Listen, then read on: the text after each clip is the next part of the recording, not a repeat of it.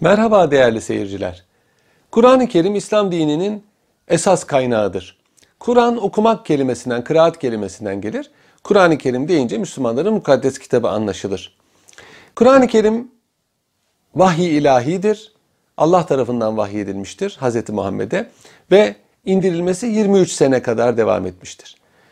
Hz. Peygamber 40 yaşındayken kendisine peygamber olduğu bildirilmiştir ve Kur'an-ı Kerim'in vahyi başlamıştır. Bu vahiy 23 sene sürmüştür. Bu vahyin 13 senesi Mekke-i Mükerreme'de, yaklaşık 10 senesi de Medine-i Münevvere'de cereyan etmiştir. Kur'an-ı Kerim'in vahyi Cebrail aleyhisselam vasıtasıyla olmuştur. Her Kur'an-ı Kerim'in vahyedilen kısmını Cebrail aleyhisselam bildirdiği zaman Hazreti Peygamber bunu tekrar etmiş ve daha sonra vahiy katiplerine yazdırmıştır. Nereye yazdırmıştır? O zaman Hicaz'da mütedavil bulunan, yaygın bulunan yazı aletlerine.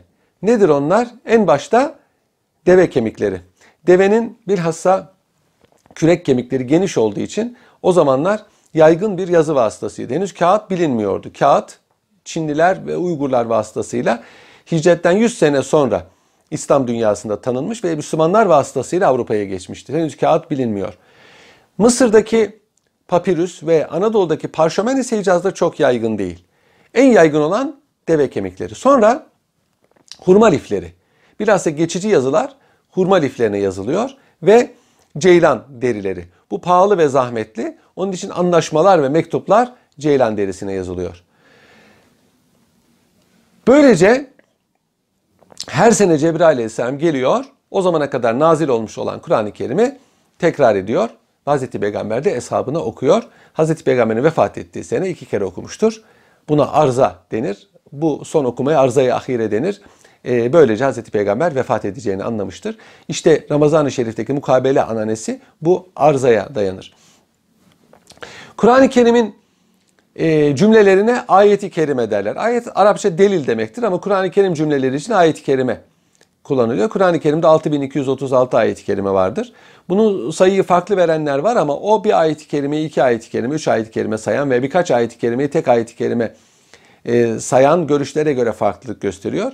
Kur'an-ı Kerim'in her cüzüne sure derler. Sure-i Celile birbirinden ayrılmış demektir Arapça. 114 tane sure var. Bunlar farklı mevzuları bir araya getirir. Yani her sure aynı mevzuda değildir. Kur'an-ı Kerim ayetlerinin bir kısmı ahbardır. Yani kainatın yaratılışı, kıyamet halleri, allah Teala'nın sıfatları bunlar üzerinde durur. Bir kısmı kısastır. Kıssalar. Yani e, daha önceki ümmetlerin, milletlerin hayatına dair ibretli hadiseler anlatılır. Bir, bir kısmında ise ahkam, hükümler vardır. Bunlar gerek iman, gerek ibadet ve gerek hukuki e, kaideleri ihtiva eder. İbnül Arabi Ahkamül Kur'an adında Kur'an-ı Kerim'in hükümlerine göre tefsirini yazdığı bir, bir kitabında yaklaşık 800 kadar ayeti kerimenin ahkama dair olduğunu söyler ki bu Kur'an-ı Kerim'in yaklaşık 7'de biri demektir. Derin alimler Kur'an-ı Kerim'in aslında ahkam ayeti olmayan ayetlerinden bile hukuki hükümler çıkarabilirler. Mesela Tebbet suresinde ve mreetuhu yani Ebu Leheb'in hanımı ayetinden e, Darül Harp'te gayrimüslimlerin aralarındaki nikahında e, hukuken muteber kabul edileceği hükmünü mesela çıkarmışlardır. Yine e, pek çok e, kıssa hikayelerden mesela Yusuf kıssasından, e, Eshab-ı Kehf kıssasından, e, Salih Aleyhisselam'ın kıssasından pek çok hükümler çıkarmışlardır. Mesela Salih Aleyhisselam'ın meşhur mucize e, duva, kayadan çıkmış olan deve için o kayada bir su çıkmıştı. Kur'an-ı Kerim haber veriyor bu mucizeyi ve diyor ki bu su bir gün devenin bir gün ora halkı içindir. Buradan anlaşılıyor ki müşterek bir mülk bu şekilde kullanılır.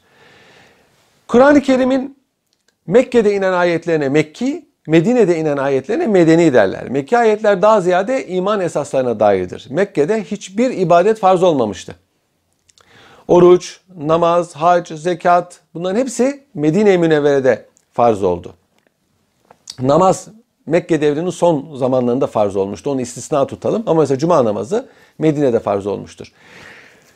Bunun dışındaki bütün ahkam ayetleri Medine-i Münevvere'de nazil olmuştur. Yani medenidir. Neden? Çünkü artık Medine'de bir İslam devleti vardır. Hukuki hükümler İslam devletinin desteği altında ancak tatbik edilebilir. Mekke'de ise daha henüz bir İslam cemiyeti meydana getirme endişesi vardı. Bu sebeple burada sadece iman esasları anlatılmıştır. İbadetler, haramlar, yasaklar, mesela içkinin haram kılınması, zinanın haram kılınması bunların hepsi Medine-i Münevvere'de cereyan etmiştir. Hz. Peygamber Kur'an-ı Kerim'i ki Arapça olarak nazil olmuştur. Sağlığında bütün ayetlerini sahabilere, arkadaşlarına tefsir etmiştir, izah etmiştir. Kur'an-ı Kerim Hazreti Peygamber'e bu vecibeyi yüklüyor. Yani Kur'an ayetlerini insanlara açıkla, beyan et. Beyan etmek, açıklamak demek. Demek ki Kur'an-ı Kerim'i herkes anlayamaz. Sahabi bile olsalar Kur'an-ı Kerim'in anlaşılması için mutlaka birinin beyan etmesine ihtiyaç var ki bu da Hazreti Peygamber'dir. Tabi Kur'an ayetlerinin bir kısmı Arapça bilen bir kimse tarafından kolayca anlaşılabilir.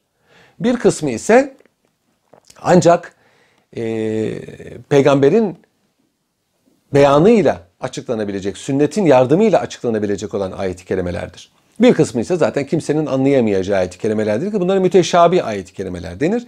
Müteşabi ayet-i kerimelere mana verilmez.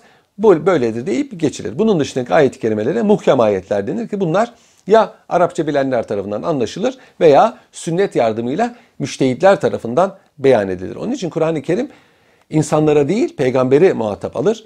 Peygamber onu hesabını açıklar. Eshab-ı kiram da bu açıklamaları sonrakilere naklederler. Onun için yani bir insanın doğrudan Arapça bilse bile Kur'an-ı Kerim'i muhatap alıp ona göre yaşaması mümkün değildir. Kur'an-ı Kerim'in tamamlayıcısı sünnettir. Hepsi birden fakihler tarafından fikih, fıkıh ilmi vasıtasıyla bildirilir. Kur'an-ı Kerim'in en güzel tefsiri, en güzel meali fıkıh kitaplarıdır. Çünkü İslam dininin esası ve Kur'an-ı Kerim'in esası Allah'ın emir ve yasaklarına uymak yani ona kulluk etmektir. Bu ise ancak fıkıh kitaplarından öğrenilir. Kur'an-ı Kerim'in e, tercümesi Arapçaya bile yapılamaz. Bugün meal diye e, piyasada dolaşanlar tercümedir. Bunlar tercümeden anladığı kadardır. Halbuki Kur'an-ı Kerim'in her bir ayet-i keriminin çok çeşitli manaları vardır. Muradı ilahi bir tane değildir.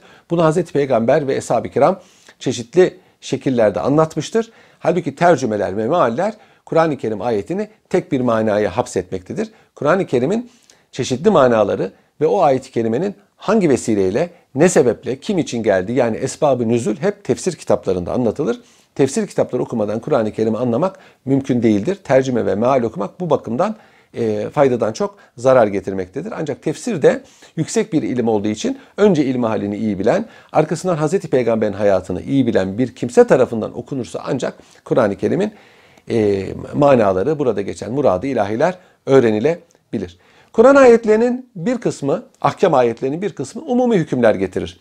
İşte birbirlerinizin malını batıl yollarla yemeyin, emaneti ehline verin, kimse kimsenin suçunun cezasını çekmez gibi umumi hükümler getirir. Bir kısmı ise hususi hükümler getirir ama tafsilata girmez. Namazı emreder, tafsilatını bildirmez. Zekatı emreder, tafsilatını bildirmez. Had cezaları mesela, kısas cezaları Kur'an-ı Kerim'de emredilir. Fakat bunların hangi şartlarda ve nasıl tatbik edileceği anlatılmaz. Bunlar sünnete havale edilmiştir. Bazı bahisler ise çok tafsilatlı olarak Kur'an-ı Kerim'de anlatılmıştır. Mesela miras taksimi Kur'an-ı Kerim'de en tafsilatlı anlatılan hükümlerdir. Yine aynı şekilde evlenme yasakları, kaç köç hükümleri Kur'an-ı Kerim'de tafsilatlı bir şekilde anlatılmıştır. Kur'an-ı Kerim'in tamamlayıcısı sünnettir dedik. Hazreti Peygamber Kur'an hükümlerini e, peygamberliği tebliğ ettiği müddetçe bizzat kendisi yaşamış ve sünnetiyle insanlara izah etmiştir. Hazreti Peygamber vefat ettikten sonra ki Eshab-ı Kiram'ın bir kısmı Kur'an-ı Kerim'in tamamını, büyük bir kısmı ise bir kısmını ezbere biliyordu. Hazreti Peygamber ise tamamını ezbere biliyordu. Hz. Ebu Bekir'in halifeliği devrinde Yemame'de mürtetlerle yapılan muharebelerde 70 kadar Kur'an hafızının ki o zaman bunlara kari deniyordu. Hafız hadis-i şerifleri ezbere bilenlere derler. Sonra hadis-i şerifleri ezbere bilen kalmadığı için yanlış olarak Kur'an-ı Kerim ezbere bilenlere hafız denmiştir. Doğrusu karidir. Çokluk hali kurra gelir. Kur'an-ı Kerim ezbere bilenlerden 70 kadar karinin şehit düşmesi üzerine Hz. Ebu Bekir'in veziri Hz. Ömer halifeye müracaat ederek Kur'an-ı Kerim'in kitap haline getirilmesini teklif etti. Hazreti Ebu Bekir, Hazreti Peygamber'in yapmadığı bir iş yapmaktan önce çekindiyse de daha sonra Eshab-ı Kiram'ın hepsi bunun Müslümanların maslahatına olacağını söylediği için kabul etti. Zeyd bin Sabit adında Medineli bir sahabinin riyasetinde bir heyet kuruldu. Neden Zeyd bin Sabit? Çünkü Kur'an-ı Kerim'i en iyi bilen sahabilerden birisiydi. Hazreti Peygamber'in beyanıyla sabittir. Zeyd bin Sabit riyasetindeki heyet bütün sahabeleri dinledi ezberlediği ayet, ezberledikleri ayet-i kerimeleri e, topladı. Yazılmış olan Kur'an e, metinlerini topladı ve böylece Mushaf adı verilen bir kitap meydana geldi. Kur'an-ı Kerim yazılı hale getirildik. Müslümanların ilk icraatlarından ve yapmış oldukları en faydalı icraatlarından bir tanesidir. Böylece Kur'an-ı Kerim sonraki nesillere doğru olarak aktarılmıştır. Bu mushafta e, ayetler iniş sırasına göre değil, uzunluk kısalık e, cihetiyle değil, Allah tarafından bildirildiği şekildedir. Yani ayetlerin sırası peygamber tarafından bildirilmiştir. Cebrail aleyhisselam en son Hazreti Peygamber'e nasıl okuduysa öyledir. Evet, Fatiha-i Şerife belki ilk nazil olan ayetlerdendir. Ama Felak ve Nas en son nazil olan ayetlerden değildir. En son nazil olan ayetler Maide suresindedir ki bu Musaf'ın başlarındadır bu sure. Ve bir surenin de tamamı bir defada nazil olmamıştır. Çeşitli tarihlerde nazil olan, inen ayetler bir surede bir araya getirmişlerdir. Bunu kim yapmıştır? Bunu Hazreti Peygamber bildirmiştir. Yani ayet-i kerimelerin bu sırası Hazreti Peygamber tarafından bildirilmiştir. Tevkifidir eski tabirle. Evet, bazı sahabilerin iniş sırasına göre, bazı sahabilerin ise uzunluk, surelerin uzunluğuna göre musafları vardı. Fakat bunların hususi çalışmalarıydı. Musaf yazıldıktan sonra artık bunların hükmü kalmamıştır. Bugün Kur'an-ı Kerim'i iniş sırasına göre veya surelerin uzunluğuna göre e, bir araya getirseler buna Kur'an-ı Kerim denmez. Nitekim Kur'an-ı Kerim'in Türkçe veya başka dillere yapılan tercümesine de Kur'an-ı Kerim denmez. Hatta Türkçe Kur'an-ı Kerim veya işte İngilizce Kur'an-ı Kerim sözü de doğru değildir. Kur'an-ı Kerim'in sureleri ise sahabiler tarafından tespit edilmiştir. Yani onlar buraların sure olduğunu tespit etmişlerdi. Bu tevkifi değildir. İştihadidir ama yine Hazreti Peygamber'in işaretine dayanır. Peki surelerin isimlerini kim vermiştir? Surelerin isimleri sonradan konmuştur. Her surenin birbirinden farklı isimleri vardır. Mesela içinde Bakara kıssasının, inek kıssasının geçtiği sure olduğu için Bakara suresi denmiştir. Buna başka isimler de verildiği olmuştur ama Bakara suresi diye meşhur olmuştur. Yani surelerin isimleri çok da e, şer'i bir esasa dayanmıyor. Tamamen rivayetlere dayanıyor. Ama ayetlerin sırası e, tevkifidir. E, surelerin sırası ise sahabenin icmana mütevakkıftır, bağlıdır. O zaman Medine-i Münevvere'de bulunan bütün sahabeler Musa, huzurunda Musaf okunmuş ve Hz. Muhammed'e aleyhisselam inen Kur'an-ı Kerim'in bu olduğu hususunda icma hasıl olmuştur. Bu icma mütevatir bir e, derecededir. Yani inkarı küfürdür. Hazırlanan Musaf ceylan derisine yazılmıştır ve Hazreti Peygamber'in hanımı Hazreti Hafsa'ya tevdi edilmiştir. Hazreti Hafsa Hazreti Peygamber'in hanımlarından okuma yazma bilenlerdendi.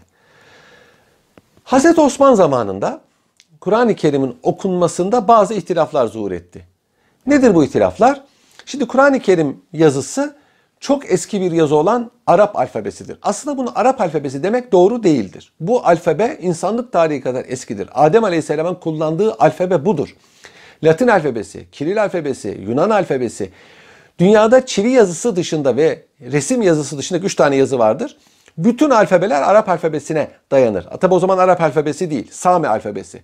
Süryani ve e, İbrani alfabesi de bundan çıkmadır. Sanskritçe ve Uygur alfabesi de bundan çıkmadır. Binaenaleyh Arap alfabesini sadece Arapların milli alfabesi olarak görmek doğru değildir. Ama bugün Araplar bu alfabeyi geliştirip kullandığı için Arap alfabesi deniyor. Onun için eskiler buna İslam alfabesi, İslam elifbası, İslam harfleri derlerdi. İsmail Aleyhisselam'ın ilk defa bu haliyle kullandığı söyleniyor ki e, bu 3000 neredeyse 4000 yıla yakın bir tarihe tekabül eder. Bu harflerde o zaman nokta, Arap alfabesini bilenler bilirler, noktalama ve hareke yoktu. Araplar bu dili bildikleri için doğru okuyorlardı. Kur'an-ı Kerim Arapçanın yedi lehçesine uygun okunabilecek bir şekilde nazil olmuştur. İşte Kureyş lehçesi, Hevazin lehçesi, Huzeyl lehçesi, Sakif lehçesi gibi Arap kabilelerinin her birinin kendi lehçesi vardır. Şive de, diyebiliriz buna. Kelimeleri manası değişmeden farklı şekilde okuyabiliyorlardı. Kur'an-ı Kerim buna müsaittir. Yani Allah tarafından böyle indirilmiştir. Kur'an-ı Kerim yedi harf üzerine indirilmiştir sözünün manası bir e, kabilde budur. Ancak e, Arap olmayanların Müslüman olmasıyla Kur'an-ı Kerim'in okunmasına bazı tereddütler hasıl oldu. Nitekim Hazreti Osman'ın hilafeti zamanında Ermeniye muharebelerinde, Azerbaycan'daki Ermeniye muharebelerinde böyle bir ihtilaf zuhur etti. Birisi imam oldu. Arkasındakiler Kur'an-ı Kerim'i okumasında e, tereddüt ve münakaşa doğunca e, halifeye vaziyet arz edildi Huzeyfe bin el-Yemen tarafından ve halife Hazreti Osman Yine Zeyd bin Sabit'in bulunduğu bir heyet teşkil etti. Fakat bu sefer heyette bulunanların çoğu Kureyş kabilesinden idi. Bunlar Kur'an-ı Kerim'i Kureyş lehçesine göre tekrar kaleme aldılar. Ve bu Kureyş lehçesine göre kaleme alınan Musaf'tan 7 nüsa çoğaltılarak işte Mekke-i Mükerreme'ye, Bahreyn'e, Yemen'e, Şam'a, Küfe'ye ve Basra'ya birer nüsa gönderildi. Eski nüsa ise Ümmül Mesahif ise yakılarak imha edildi. İşte bundan dolayı bazıları Hazreti Osman'ın Kur'an-ı Kerim'i tahrif ettiği ve yaktığını söylerler ki doğru değildir. İhtilaflara e, yol açmaması için önceki ortadan kaldırılmıştır. Diğerinin bundan bir farkı yoktur. Yine aynı şekilde sahabelerin huzurunda bu musaf okunmuş ve bunun Hz. Muhammed'e inan musaf olduğunda ittifak hasıl olmuştur.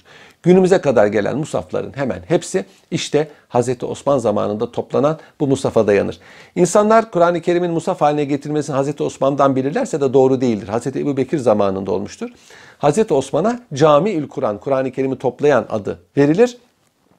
Daha sonra Kur'an-ı Kerim'e Hz. Ali zamanında noktalama işaretleri ve Halife Abdülmelik zamanında harekeler konulmuştur ve o zamandan bu zamana Kur'an-ı Kerim mushaf doğru bir şekilde, sahih bir şekilde intikal etmiştir ki Müslümanlığın ilk devirlerine ait musaflar bugün Taşkent'te, İstanbul'da, Avrupa müzelerinde, Arabistan'da e, ve Fas Müzesi'nde e, parça parça da olsa numunelerine rastlamak mümkündür. Hoşçakalın değerli seyirciler.